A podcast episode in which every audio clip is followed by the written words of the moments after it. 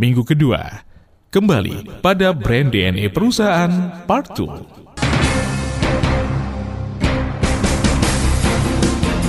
Segera kita ikuti Smart Marketing and Innovation. Seluk-beluk pengembangan perusahaan dari sisi A hingga Z marketing dan inovasi. Bersama DSW, pakar dan praktisi bidang marketing dan inovasi, sekaligus Business Development Director SLC Marketing.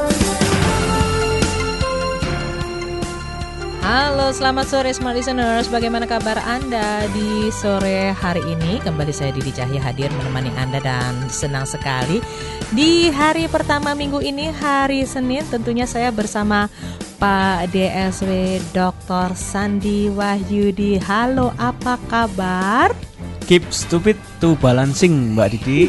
Smart listeners kalian Saya malah lupa. Tetap, tetap haus tetap belajar untuk membalanskan perusahaan kita. Tahun ini Ya. tahun ada tahun pilkada serentak Tahun World Cup Piala Dunia. Mhm. Terus apalagi nih Ya semoga tidak ada tahun peperangan antara Kim Jong Un dan Donald Trump Eh kemarin Hawaii deg-degan loh mau ditembak nuklir ya Jadi sama ada- Jong Un ya. Enggak, lebih kepada alarm abal-abal ternyata Saya latihan latihan loh. perang ya. Eh, tapi sebelumnya kita sapa dulu yang ada di Halo, YouTube. wah selamat ini. Smart FM inovasi nih ya. Sekarang kita nggak cuma live di radio, Betul. tapi langsung live di YouTube. Kayaknya mau nggak mau saya menyelipkan resolusi 2018 melangsingkan badan ya Pak iya ya? betul. Karena tadi saya bilang juga, Pak Didi biasanya yang didengar kita suara ya. Suara Sekarang kita aja. dilihat apa kita punya penampilan. Betul. Wah. Dan Smart Listeners mungkin juga melihat ini adalah logo baru Smart FM Iya. eh, Network. Kupu-kupu ya, kupu-kupu ini ya. Dan kita ada di Surabaya 889 FM. Oke. Jadi bagi smart listeners sekalian kita bisa berinteraksi bukan hanya suara tapi juga wajah kita. Oke, aduh, harus pakai bedak terus saya. Betul. Tahu gitu saya mandi dulu tadi. Nggak pengaruh. Seharusnya ada kamera beraroma ya. Gitu Ini ya. saya saya walaupun nggak bedakan wangi kok. iya. Oke, eh, ini menyenangkan sekali karena 2018 18. seperti yang kita eh, sampaikan minggu lalu ya bahwa tadi disampaikan 2018 ini akan banyak terjadi ya apa namanya ada World Cup gitu ya. Indonesia juga ada pilkada. Iya. yang kata orang ini suhu politik agak-agak anget nih, agak-agak meriang nih Indonesia Iya. gitu. Ini tentunya akan ber apa namanya ada pengaruhnya juga, Pengaruh juga. gitu ya. Nah makanya udahlah ini awal tahun kita kembali lagi deh ke perusahaan kita mau dibawa ke mana sih gitu ya. Oke. Kita kembali temukan dulu deh Jati diri DNA kita. Ah, jati diri Jati kita diri. apa? Brand Betul. DNA. Karena sering kali kan gini Mbak Didi, perubahan tren teknologi digital ini membuat juga pelaku bisnis yang konvensional yang sudah puluhan tahun bingung. Ini saya harus mendigitalkan semua atau perlahan atau wait and see ataukah ya sudah apa adanya jalan yang seperti sekarang kita jalani dulu. Oke. Jadi sebatas cuma digital marketing, aktivasi website, eh, sosmed gitu aja, nggak nggak main ke digitalnya. Nah ini kan apa namanya pasti merubah tatanan kerja, Ya. eh, SOP yang ada di perusahaan, ya kan, divisi-divisi kan juga harus saling support. Betul. Nah kan bingung juga. Jawaban saya kembali value kita apa yang kita jual, kita fokuskan di sana. Semua bisa di outsource mbak Didi. Jadi pada dasarnya kan sesuatu yang nggak core bisnis, sesuatu yang nggak kunci, kita bisa outsourcekan. Contoh mbak Didi punya cafe, punya gerai outlet eh, makanan kuliner. Mm-mm. Yang nggak bisa di outsourcekan adalah chefnya. Iya. Nah kalau bisa chef yang jadi chef adalah kita atau saudara kita atau istri atau suami kita. Orang yang benar-benar menguasai produk Ah. itu. Kasarannya seperti itu. Jadi nggak akan di copy paste resep kan? Nggak bisa di outsource. Tapi yang lain bisa.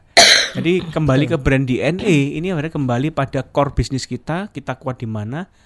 Kita kuatkan di situ aja. Nah contoh kalau kami apa Mbak Didi? Kami kan jual jasa knowledge ya, knowledge ilmu pengetahuan, kemudian transfer skill seperti itu.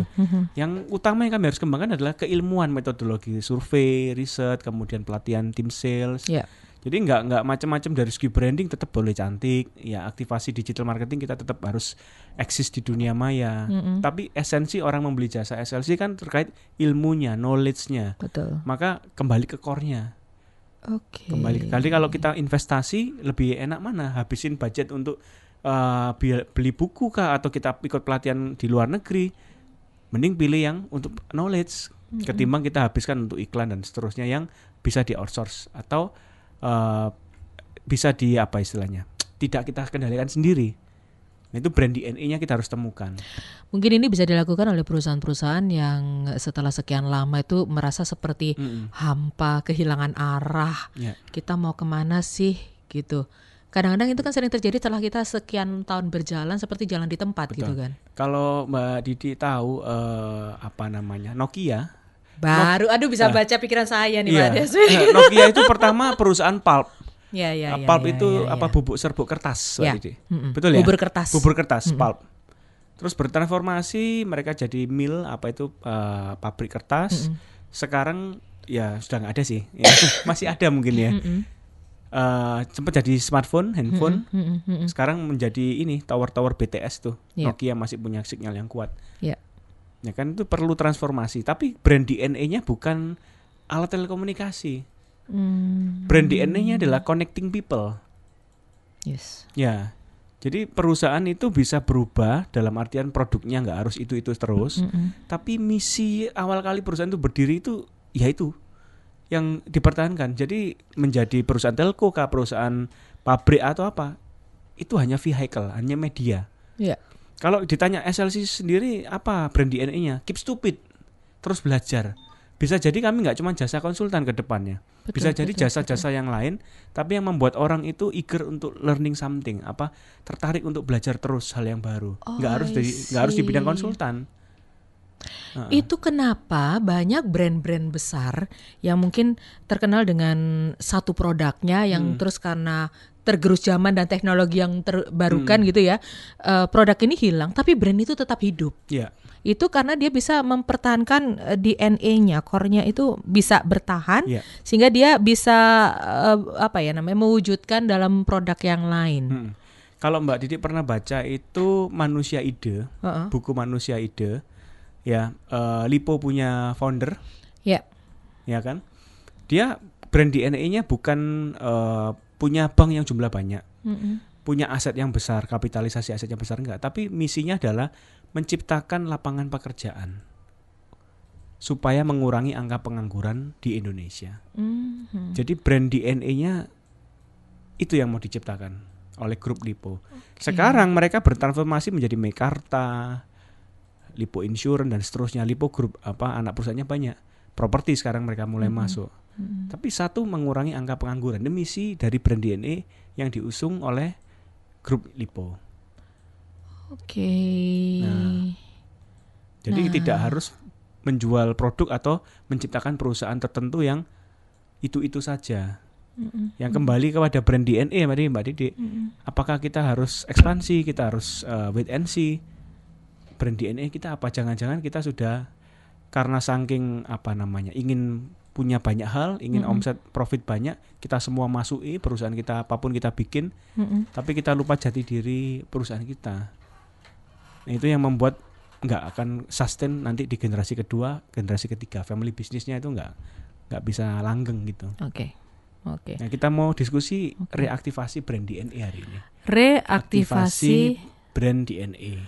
Reaktivasi itu kan berarti kita mengaktifasi sesuatu yang sudah pernah di jalan atau Betul. gimana nih, Pak? Ya, kalau minggu lalu tanggal 8 ya, Mm-mm. kita diskusi bagaimana elemen-elemen brand DNA kan. Mm-mm.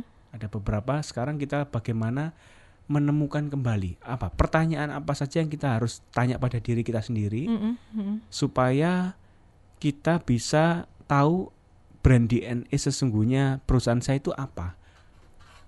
Jadi bukan ya saya kan jual kuliner ya brand DNA saya ya kuliner ya bukan itu. Mm-mm. Nah, nanti kita coba interaksi dengan apa smart listeners Mhm. bisa calling, telepon atau SMS atau WA barangkali Mhm, Mbak Didi mhm. ke mana? Oke, smart listeners Anda eh, yang mau berinteraksi silakan Anda bisa bergabung ya lewat telepon langsung nanti kita ngobrol di 031 732 1498 atau melalui SMS dan WhatsApp di 0811 312 889 0811 312 889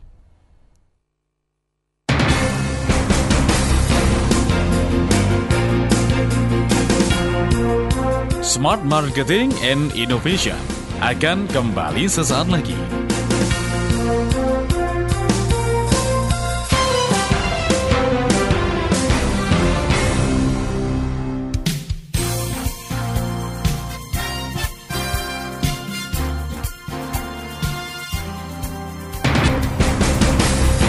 Kembali ikuti Smart Marketing and Innovation Seluk-beluk pengembangan perusahaan dari sisi A hingga Z marketing dan inovasi. Bersama DSW, pakar dan praktisi bidang marketing dan inovasi, sekaligus Business Development Director SLC Marketing. Masih di Smart Marketing and Innovation, keep stupid to balancing. Itu yang menjadi tagline kita 2018. Ya, sepanjang tahun ini. Harus balance. Balance. Wow. Terlalu cepat jangan, terlalu lambat jangan. Ya. Terlalu besar jangan, terlalu kecil jangan. Terlalu Iya. Seperti kita kita minggu lalu juga sampaikan 2018 itu kan ibaratnya kita apa apa ya? Berjalan di tengah titian yang kita harus menyeimbangkan karena begitu banyak hal yang bisa terjadi secara tiba-tiba Iya. yang kita nggak tahu ada apa. Yang lagi enak tenang-tenang tiba-tiba bergejolak gitu Iya. kan. Nggak tahu ya. tahun penuh tantangan, challenge. Cuma Iya, challenge iya, ini iya, kan iya. membuat kita apa eh, berkreasi lebih lebih kuat lagi berpikir kritis. Ya, itu kenapa kita perlu kembali menemukan jati diri perusahaan kita dan itu yang menjadi bahasan kita di bulan Januari eh, brand DNA. Ya. Dan Jadi setiap kali tindakan apa pun Mbak Didi mau ekspansi mau apa, ini sesuai brand DNA saya enggak ya? Oh enggak, udah sisihkan dulu. oke, Cari yang sesuai brand DNA itu yang disebut balancing. oke. dan sorry, dan eh, sore hari ini kita reaktivasi brand DNA. Iya. Kalau smart listeners mau bertanya silakan Anda bisa menghubungi SMS atau WhatsApp di 0811 312 889 atau telepon langsung di 031 732 1498 atau melalui Facebook Smart FM Surabaya ya. Alamatnya ada di mana? nah, saya Smart FM Surabaya. Oke. Itu nanti kita juga nge-live di situ Smart listeners. Oke, kita tunggu saja. Ntar lagi ojek kita muncul. Anda bisa bertanya di kolom komen ya, Bapak Operator. Nah, oke. Baik, reaktivasi brand DNA. Bisa dibilang ini Ya. adalah kita mengaktifasi lagi Kembali. ke- eh, brand DNA yang bisa bisa dibilang apa ya? Sudah jalan Mm-mm. Atau mungkin stuck atau mungkin hilang, Sebetulnya mungkin hilang enggak Mbak Didi. Cuman terlupakan. lupa apalagi foundernya sudah mohon maaf tiada, Mm-mm, sudah li- lintas generasi. mm-mm, Jadi semangat kerjanya beliau waktu masih hidup, cara beliau ngomong, cara beliau memimpin karyawan, sebetulnya itu brand DNA yang diciptakan secara nggak langsung. Seperti Mokhtar Yadi ya, Iya. itu yang founder Lipo Group, mm-mm, selalu mengatakan ke semua tim top manajemennya, mm-mm, kita punya visi itu mengurangi lapangan, eh, mengurangi pengangguran, menciptakan lapangan pekerjaan. mm-mm.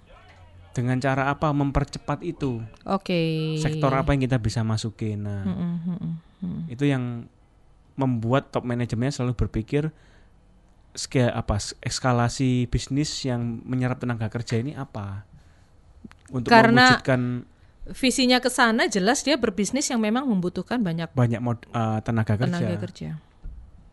itu yang nah sekarang ini kenapa Lipo kok beralih ke properti Mbak Didi? Karena perbankan ini ke depan semakin digital.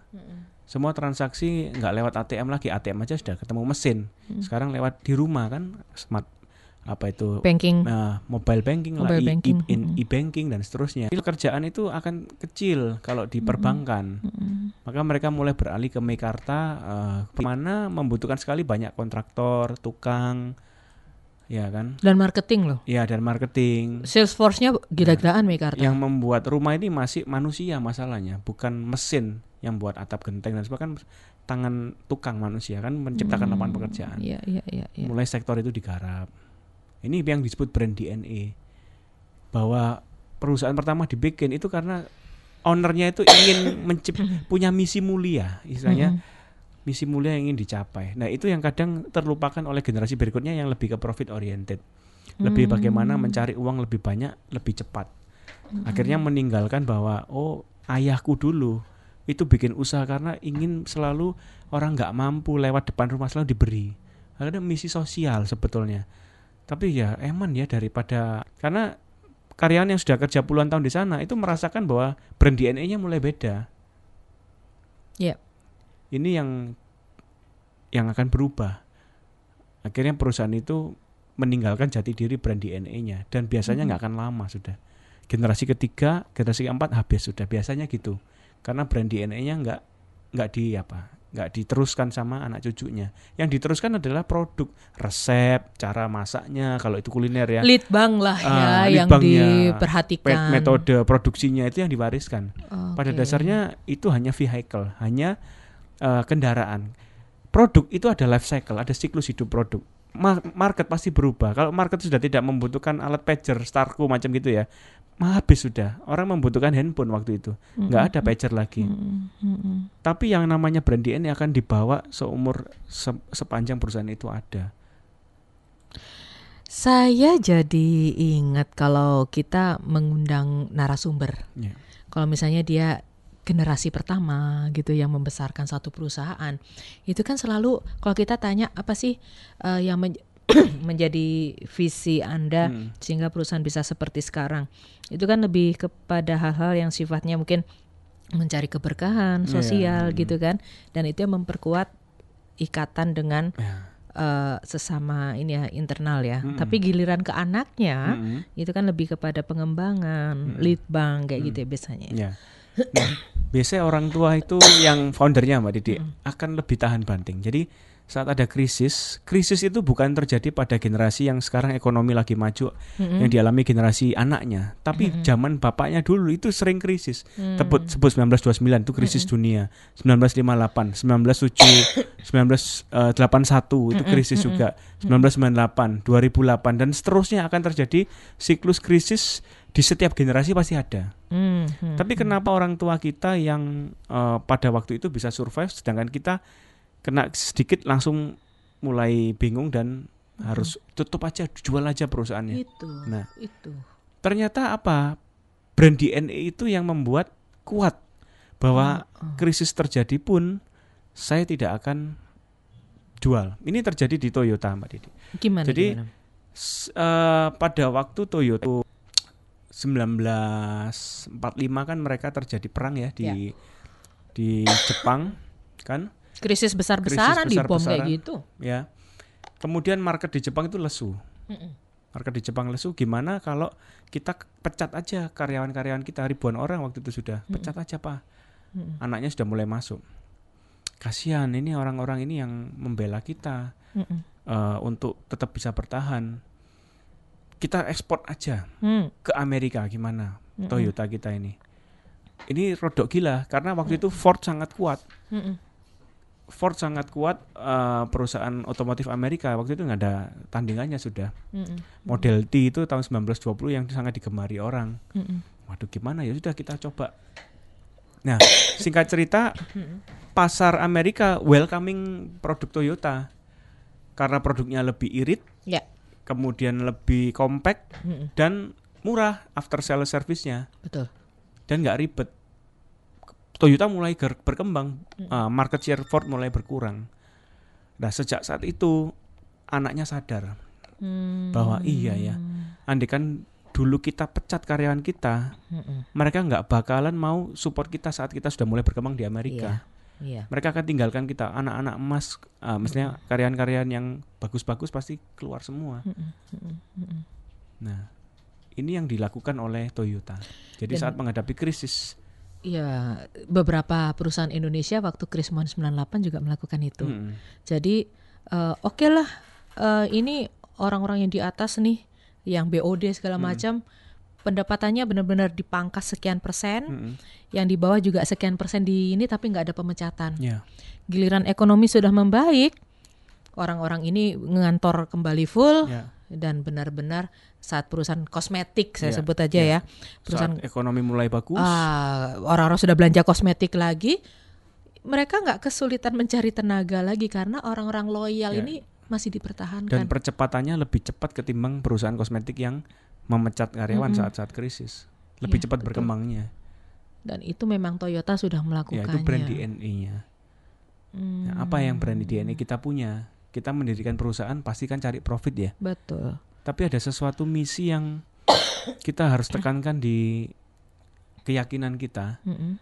Sekrisis apa pun saya tetap mau berjuang. Ini Hmm. terjadi eh, barusan ada piagam penghargaan seorang India yang menciptakan sanitary napkin, mohon maaf pembalut wanita yang murah. Diberi penghargaan dunia dan ketemu Bill Gates kemarin jadi panel lomba juri Innovation Award dunia. Mm-mm. An Anacul Sur Surya Ratman. Iya, namanya lupa Ah, juga namanya ini. lupa panjang. ha-ha. Mbak saya nanti cek Oke. ya. Jadi dia itu sampai mau dicerai istrinya, Iya.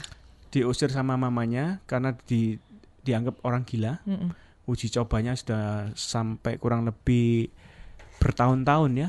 Siapa juga yang rela seorang laki-laki gitu ya mendekati perempuan-perempuan untuk mengetahui siklus menstruasi dan segala Iya, macamnya. r- Riset dia lakukan. Iya, iya. Karena- Istrinya nggak terima Iya. dong.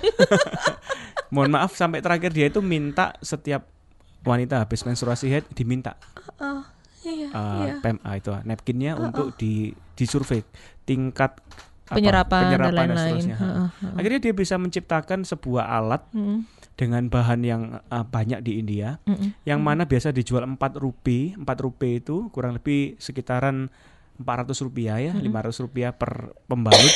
Mm-mm. Dia bisa ciptakan itu seperempatnya dengan kualitas yang sama. Hmm, Apa misi brand DNA-nya kalau Mbak Didi sempat lihat di YouTube? Dia nggak patenkan itu. Walau dia dapat patennya pun Mm-mm. dia nggak mau minta royalti. Dia ajarkan ke rural area pedesaan-pedesaan India yang nggak mampu untuk beli Mm-mm. pembalut karena hanya 7% wanita di India yang mampu beli pembalut tiap bulannya. Mm-mm. 93% pakai metode pakai kain. Yang lama. Kasihan mereka harus Mm-mm. cuci apa Mm-mm. segala. Dia misinya adalah saya nggak mau memperkaya saya. Saya ingin me- membuat bangsa saya ini lebih sehat. Jadi dia nggak nggak ambil itu hak patennya. Mm-mm. Jadi sekarang dia menjadi seseorang yang mendapat anugerah penghargaan sosialnya. Itu misi dia hidup brand DNA-nya. Wow, luar biasa. Jadi Iya. eh, apa namanya brand DNA ini yang kadang-kadang memang akhirnya terlupakan ya, Iya. yang akhirnya membuat satu perusahaan seperti bingung mau ke arah mana. Mm. Itu kenapa harus ada reaktivasi brand DNA. Ya ingat-ingat papa mama kita kalau kita family business ya, Mm. atau ingat kakek nenek kita kalau kita generasi ketiga, atau ingat founder kita kalau kita profesional tahun 1950 didirikan. Itu ceritanya gimana? Kok bisa beliau mendirikan ini? Itu yang disebut brand DNA. Oke, baik. Kita jeda lagi ya Pak DSW dan nanti akan kita lanjutkan obrolan kita setelah jeda berikut ini.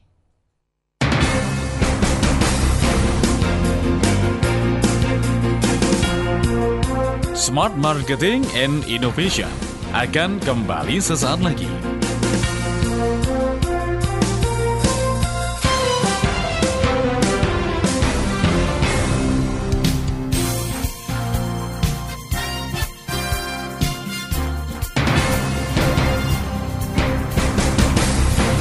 Kembali kita ikuti Smart Marketing and Innovation. Seluk-beluk pengembangan perusahaan dari sisi A hingga Z marketing dan inovasi.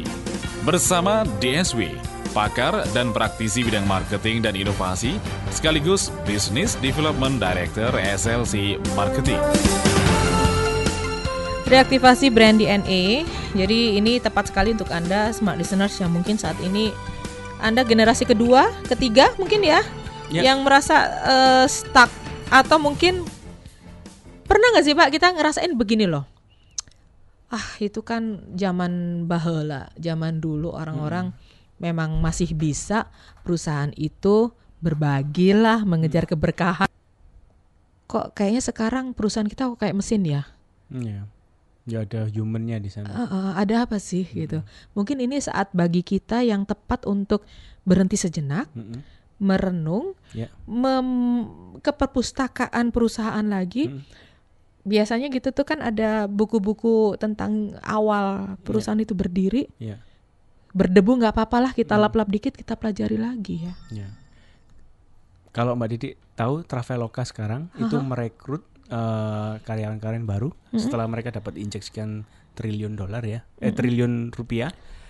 Eh rekrutmennya satu persen dari yang daftar.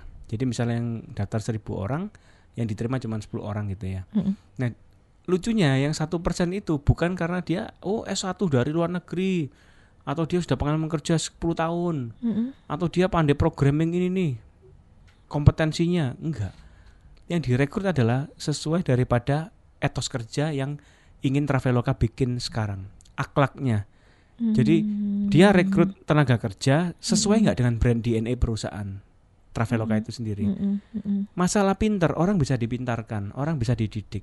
Tapi kalau etos kerja, akhlak, karakter orang itu nggak sesuai dengan brand DNA, mending ditolak. Karena itu yang akan merusak budaya kerja. Bayarannya kuat di Traveloka itu, yang kerja di Traveloka sekarang. Mm-mm. Jadi macam idaman lah Mm-mm. orang untuk bisa kerja di startup company yang V apa itu sekarang lagi berkembang ya, digital ya. Mm-mm. Banyak perusahaan yang merekrut apa S1 minimal, Mm-mm. apa usia berapa tahun gitu ya. Sudah menikah atau belum atau paling nggak pengalaman kerja berapa tahun kan gitu kan. Itu kan la- metode lama. Metode lama yang mana orang cepat ingin serap pakai supaya dia bisa memproduksi hasil Mm-mm. dapat return money-nya. Iya. Ah, ya, aku gaji kamu paling nggak dalam bulan depan kamu sudah bisa kasih aku apa kan gitu kan. Spek-spek yang sesuai job specification namanya. Tapi sekarang orang mulai sadar bahwa belum tentu orang yang pintar aku terima ini memang menghasilkan iya, tapi untuk jangka panjang apakah perusahaanku ini bisa langgeng? Nggak belum tentu. Mm-mm. Ya, sama sekarang Google, Facebook juga merekrut karyawan nggak perlu ijazah, Mbak Dede. Iya. Iya. Kalau dulu lulusan Harvard minimal Cambridge lah, Stanford dan seterusnya. Waktu itu. Sekarang nggak perlu ijazah. Jadi siapa pun kamu, kalau kamu bisa sesuai dengan budaya kerja di sini dan kamu sesuai orangnya, ya minimal kompetensinya ada lah. Walaupun mungkin nggak se-expert yang winter tapi freak gitu ya, itu Mm-mm, pasti nggak diterima. Harus orangnya easy friendly, ya model orang yang sesuai budaya kerja Facebook, nyantai gitu ya. Iya. eh kurang lebih itu yang disebut membangun brand DNA. Seperti salah satu jaringan Ya. hotel itu, Mm-mm. salah satu tes karyawannya itu adalah joget. Itu Jadi rekrutmen bisa entertain people kan? eh, eh, Iya. dan dari gerakan. Jadi eh, disetelkan musik, udah terserah kamu Iya. mau Itu brand DNA-nya mau yang mau gerak seperti apa Ha-ha. gitu ya. Karena ternyata waktu saya tanya kenapa begitu? Mm-mm. Orang kalau misalnya dia disetelin musik dan dia gerakannya kaku entah karena dia jaim atau memang dia tidak bisa mengikuti irama, itu dalam kehidupan sehari-hari dia juga kaku, Iya. nggak luwes. Iya. Nggak apa-apa lah dia nggak pinter lah. Tapi paling nggak untuk ketukan segala macam dia mengikuti dan sampai sebegitunya. Iya karena kami waktu greeting tamu itu benar-benar harus tulus senyumnya bukan yang Ya, template. fake, fake smile ya. iya. Wow. Oke. Garuda Indonesia menerapkan ini Mbak Didi. oh oke. Rekrutmen pramugari Mm-mm. yang baru, mohon maaf, Mm-mm. lepas semua baju, tidak ada sehelai benang pun. Kalau wanita sama wanita, kalau pramugara cowok sama yang cowok, dilihat ada, ada punya tato nggak di bagian tubuhnya. Hmm, Kalau ada punya tato, secantik apa pun, sepintar Mm-mm. apa pun nggak akan diterima. Itu Garuda Indonesia. Apa kaitannya? Misal mohon maaf tato di bokong ya. ada pramugari misal. Dia kan pakai dress eh, apa seragam pramugari. Mm-mm. Kan namanya penumpang nggak akan lihat itu Mm-mm. tato. Tapi kenapa nggak diterima? Garuda bisa menjawab dengan baik. Kalau dia tidak bisa menghargai dirinya sendiri, mana dia bisa melayani tamu yang dia layani. Iya, Karena dia iya, iya. sudah istilahnya merusak tubuhnya. Nah itu kata beliau ya. Saya mohon maaf tidak mendiskreditkan rekan-rekan smart listener yang bertato. Mm-mm. Tato enggak itu hak-hak kita semua. Mm-mm. Cuma Garuda Indonesia punya brand DNA bahwa kalau seseorang mau melayani orang lain, dia harus bisa menghargai dirinya sendiri dulu. Mhm, mhm, Itu brand DNA yang mau diciptakan dan ter eh, apa itu? terekspos apa ya? Bisa diwujudkan dalam rekrutmen karyawan. Yaitu Iya, cek iya, iya, apakah iya, punya iya. tato enggak.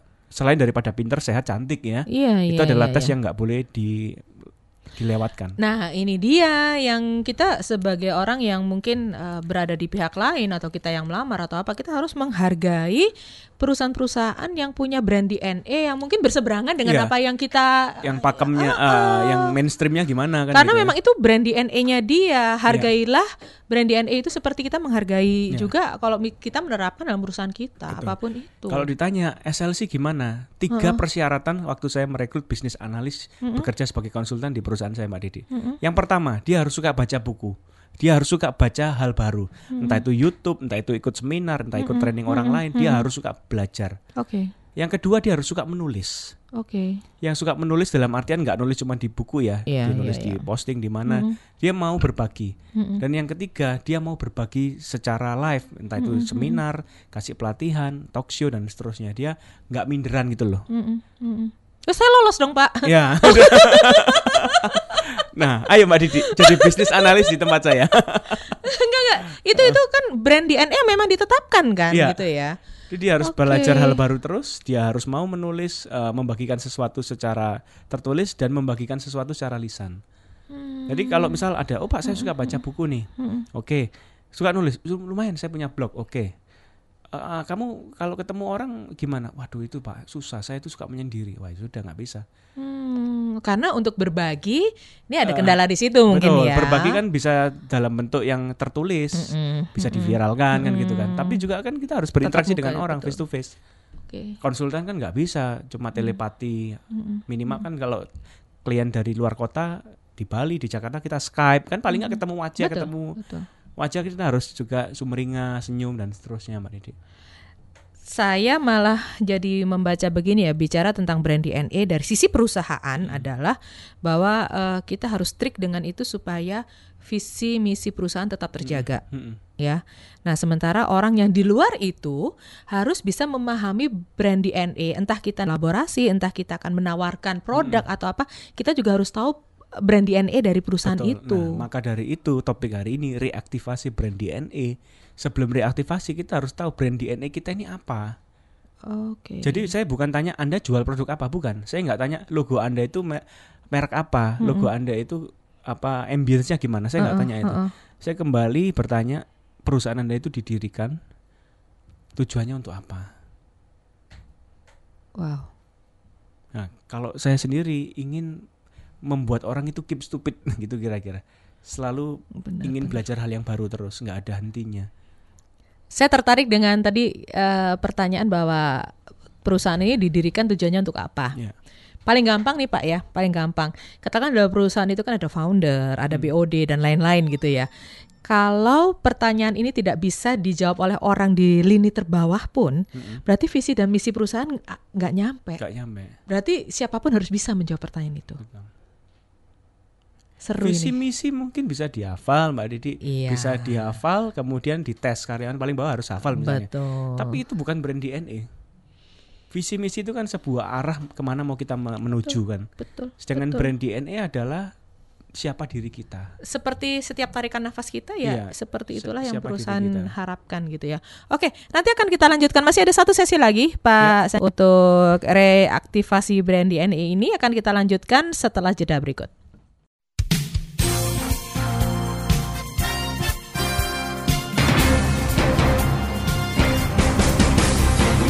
Kembali kita ikuti Smart Marketing and Innovation. Seluk-beluk pengembangan perusahaan dari sisi A hingga Z marketing dan inovasi. Bersama DSW, pakar dan praktisi bidang marketing dan inovasi, sekaligus Business Development Director SLC Marketing.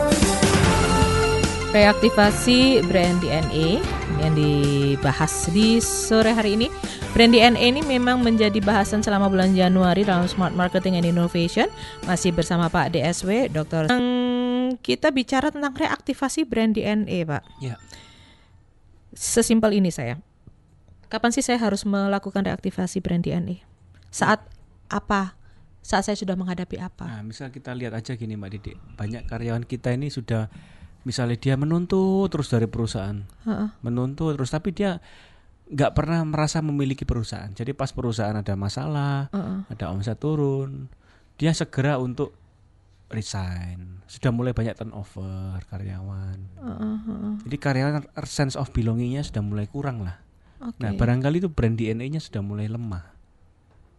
Jadi orang datang ke perusahaan kita sebagai karyawan bisa jadi dia cuma cari income yang besar, gaji yang besar. Karena kita udah punya Karena kita sudah punya nama, karena perusahaan kita sudah apa track recordnya bagus. Mm-mm. Dia hanya cari portofolio kerja di tempat kita, tapi nggak akan lama. Mm-mm. Bisa jadi orang yang kita rekrut itu memang orang yang pinter, orang yang kompeten, tapi karakternya nggak sesuai dengan brand DNA kita. Jadi dia nggak akan tahan lama memang. Karena satu perusahaan itu nggak akan bisa memuaskan karyawan mana pun. Di atas langit masih ada langit, di atas perusahaan Mm-mm. yang besar masih ada perusahaan yang lebih besar yang bisa gaji dia lebih banyak. Dia pasti akan cari terus oportunis, cari perusahaan-perusahaan lompat ya, kutu lompat ke mana cari gaji yang lebih besar. Beda kalau kita merekrut orang bukan hanya pintar, tapi karakternya sesuai dengan brand DNA. Mm-mm. Misal kita cari pengumuman, bukan dicari lulusan S1 teknik kimia, Mm-mm. tapi dicari orang yang apa kata-kata misal, yang selengean itu kalau Mm-mm. hotel tadi ya yang bisa joget. Itu menyesuaikan dengan brand DNA. Cuma kan rodok aneh gitu rasanya kalau kita bikin lowongan kerja di Jobs DB, di lowongan Mm-mm. kerja di mana eh, iklan koran, sebenarnya kan nggak nggak umumnya. Ya. Apakah diperbolehkan? Nah, itu kan lain cerita ya teknis. Mm-mm. Tapi attract awal Mm. attract awal people untuk ikut bekerja di perusahaan kita itu yang harus oke Mbak Didi dari segi tesnya. Oke. Jadi nggak cuma tes DISC, tes logika, matematika, tes uh, psikotes ya, tapi ada tes tambahan yang mana tes tambahan itu di khusus perusahaan itu mendesain Mm-mm.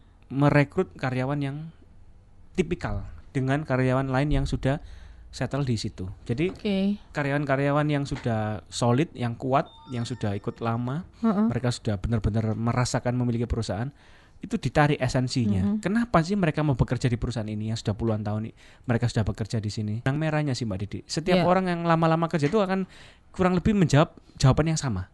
Karena ini, karena ini. itulah brand DNA yang dia rasakan dan kita harus mencari karyawan baru yang lebih muda yang punya sifat tipikal yang hampir sama dengan yang sudah ada bekerja puluhan tahun di perusahaan itu. Mhm. Nah, itu Mhm. attract-nya harus benar. Mm-mm. Mm-mm. Nah, itu mem- mereaktivasi kembali brand DNA.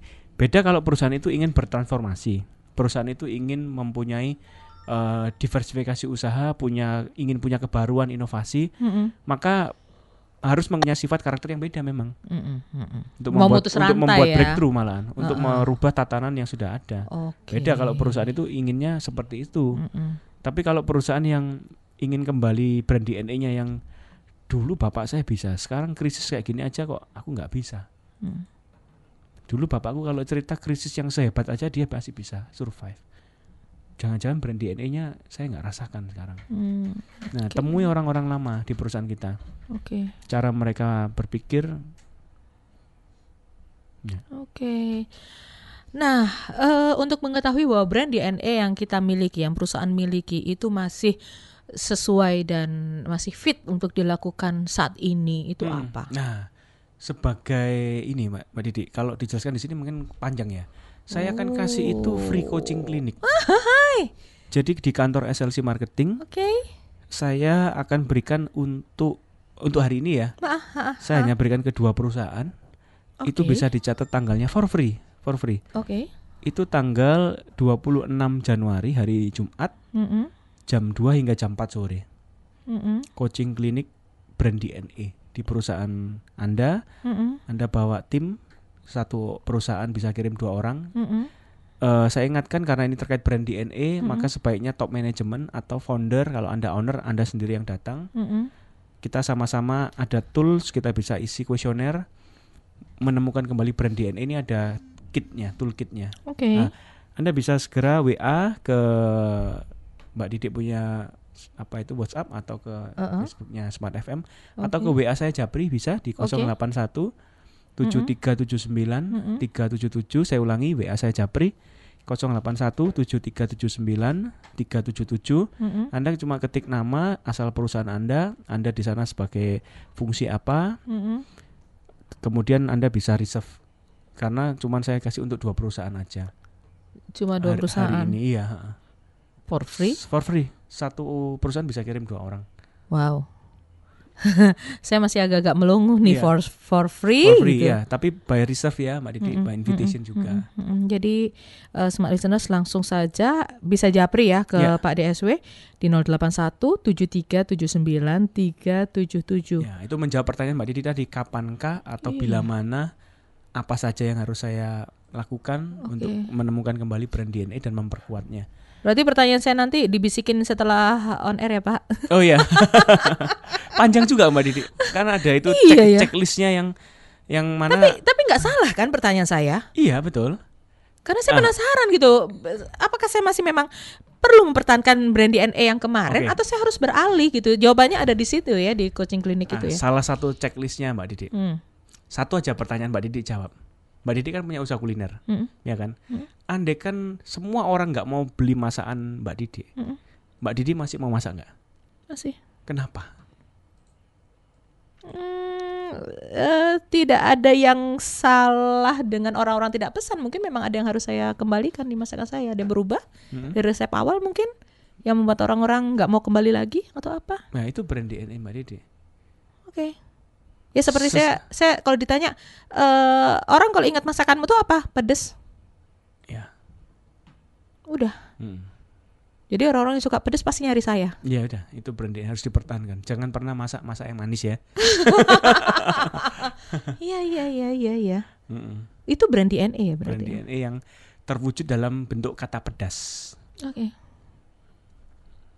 Sesimpel itu sebenarnya ya. Betul. Jadi kalau Cuman- Mbak Didi mau usaha katakan baju fashion, Flower mungkin flower yang warna merah ya, eh, atau shabby chic atau apa retro. yang ada unsur Oke. apa istilahnya garangnya kan. Mm. Betul betul betul. Saya melihat eh, di online itu eh, hanya mereka yang punya eh, apa namanya eh, style tertentu yang bisa bertahan Hmm. cukup lama. Salah satunya buka lapak. Buka lapak itu kalau bikin iklan di YouTube selalu nyeleneh. Lucu, entertain, Iya. humoris Betul. dan dia pertahankan itu terus. Oke, itu eh, supaya orang kalau ada yang lucu-lucu langsung ingat gitu ya. Ini pasti buka lapak ini. Pak, kita Oke. sudah hampir sampai ke ini penghujung. kelihatannya udah ada yang chat saya sudah terima kasih. Ah, tinggal satu lagi. iya. Saya tunggu Ah, ah. sampai jam 6.30 ya. Iya pokoknya dua Barangkali ini terpenuhi. masih masih di mobil eh, masih belum ada kesempatan untuk nepi. Hati-hati di jalan. Saya tunggu sampai 6.30 eh, Bapak Hitekun, terima kasih. Ini dari Tata Rapika. Oke. Eh, apakah bedanya brand DNA dengan value perusahaan, nilai dasar perusahaan? Apa terima bedanya, kasih. Pak? Saya sapa Pak Hitekun. Eh tapi pertanyaannya benar loh. Ya, Saya juga bertanya-tanya itu bedanya menilai perusahaan apa? oke. Masih ada waktu kok kita, Pak. Ya. Value perusahaan biasa kita apa? Tuliskan, gaungkan untuk internal karyawan kita. Oke. Tapi kalau brand DNA sesungguhnya itu value perusahaan yang kita juga tuliskan di media promosi kita. Oke. Yes. Kompas, Oke. inspirasi Indonesia. Ya gitu ya. Itu value. Ya, itu tagline itu bukan brand DNA. Brand DNA itu kayaknya cuma saya yang merasakan deh sebagai orang grup gitu ya, ibaratnya gitu ya. Ya, itu Kami di value dalam value ini. perusahaan Oh, internal. value- oke. Jadi brand DNA ini value sebetulnya sama Pak Itekun. Heeh. Value perusahaan yang kita terapkan ke karyawan, Oke. cara manajemen kita, leadership kita. Tapi yang kita sengaja bawa seperti contoh body shop. Body shop ini Hmm, itu ra- apa itu? Tidak anti animal testing ya? Yes. Ag- Against animal, Against animal testing, Body shop ya kan? Oke. Dia value perusahaannya adalah ramah lingkungan, tapi juga di branding di luar bahwa body shop ini nggak pernah lo pakai animal testing. Value-nya di sana. Oke. Itu jadi brand DNA-nya. Hmm. Jadi sebetulnya sama value perusahaan brand DNA sama, cuma bedanya kalau itu di expose sering keluar ke media itu dalam bentuk dalam tagline, tagline, dalam, dalam bentuk promosi, promosi segala- itu Oh, menjadi brand DNA akhirnya. Oke. Dan semua orang tahu. Nggak cuma karyawan kita, tapi calon karyawan yang baru tahu, customer kita tahu, supplier kita tahu, pi- pihak perbankan yang funding kita juga tahu dan seterusnya. Itu brand DNA yang dirasakan pihak eksternal. Sudah terjawab ya. Semoga terjawab karena Eh, kita Anita Rodik, sorry, Oh lupa iya, tadi namanya. Anita Rodik. Anita Rodik. karena kita Bo- juga body harus closing. Ya. Sebagai penutup apa yang bisa disampaikan Pak DSW? Ya, sebagai penutup segera WA ke saya, Japri. bisa kita ngobrol lebih jelas. Dua Ya. jam itu klinik kita ada toolkit checklist supaya kita bisa menemukan brand DNA. Mm-mm. Eh, closingnya adalah temukan kembali, perkuat itu di tahun ini. Mm-mm. Nggak usah macam-macam dulu ya. Tapi apa yang kita sudah kuat di sana kita kuatkan dulu. Oke, Jangan pikir hal baru dulu. Tahun ini balancing dulu. Itu aja. seimbangkan dulu. Ya. Oke, terima kasih menginspirasi sekali sore hari ini. Semoga juga bisa menginspirasi Anda di awal tahun sehingga Anda tidak was-was dengan ketidakpastian di Betul. tahun 2018 apa yang akan terjadi besok karena kita juga masih menanti-nanti ya. Eh, kita akan berpesta demokrasi di daerah segala macam akan banyak hal yang terjadi. Kita tanggapi ini dengan rasa yang positif ya Ya. tetap eh, optimistis dalam berbisnis. Waktunya kami berdua pamit dulu. Saya Didi Cahya. Dan only marketing can drive innovation. Saya DSP Dr. Sandi Wayudi. Hanya, Hanya untuk Smart FM. Demikian telah kita ikuti Smart Marketing and Innovation. Seluk-beluk pengembangan perusahaan dari sisi A hingga Z marketing dan inovasi bersama DSW, pakar dan praktisi bidang marketing dan inovasi sekaligus Business Development Director SLC Marketing. Ikuti inspirasinya setiap hari hanya di 889 Smart FM Surabaya.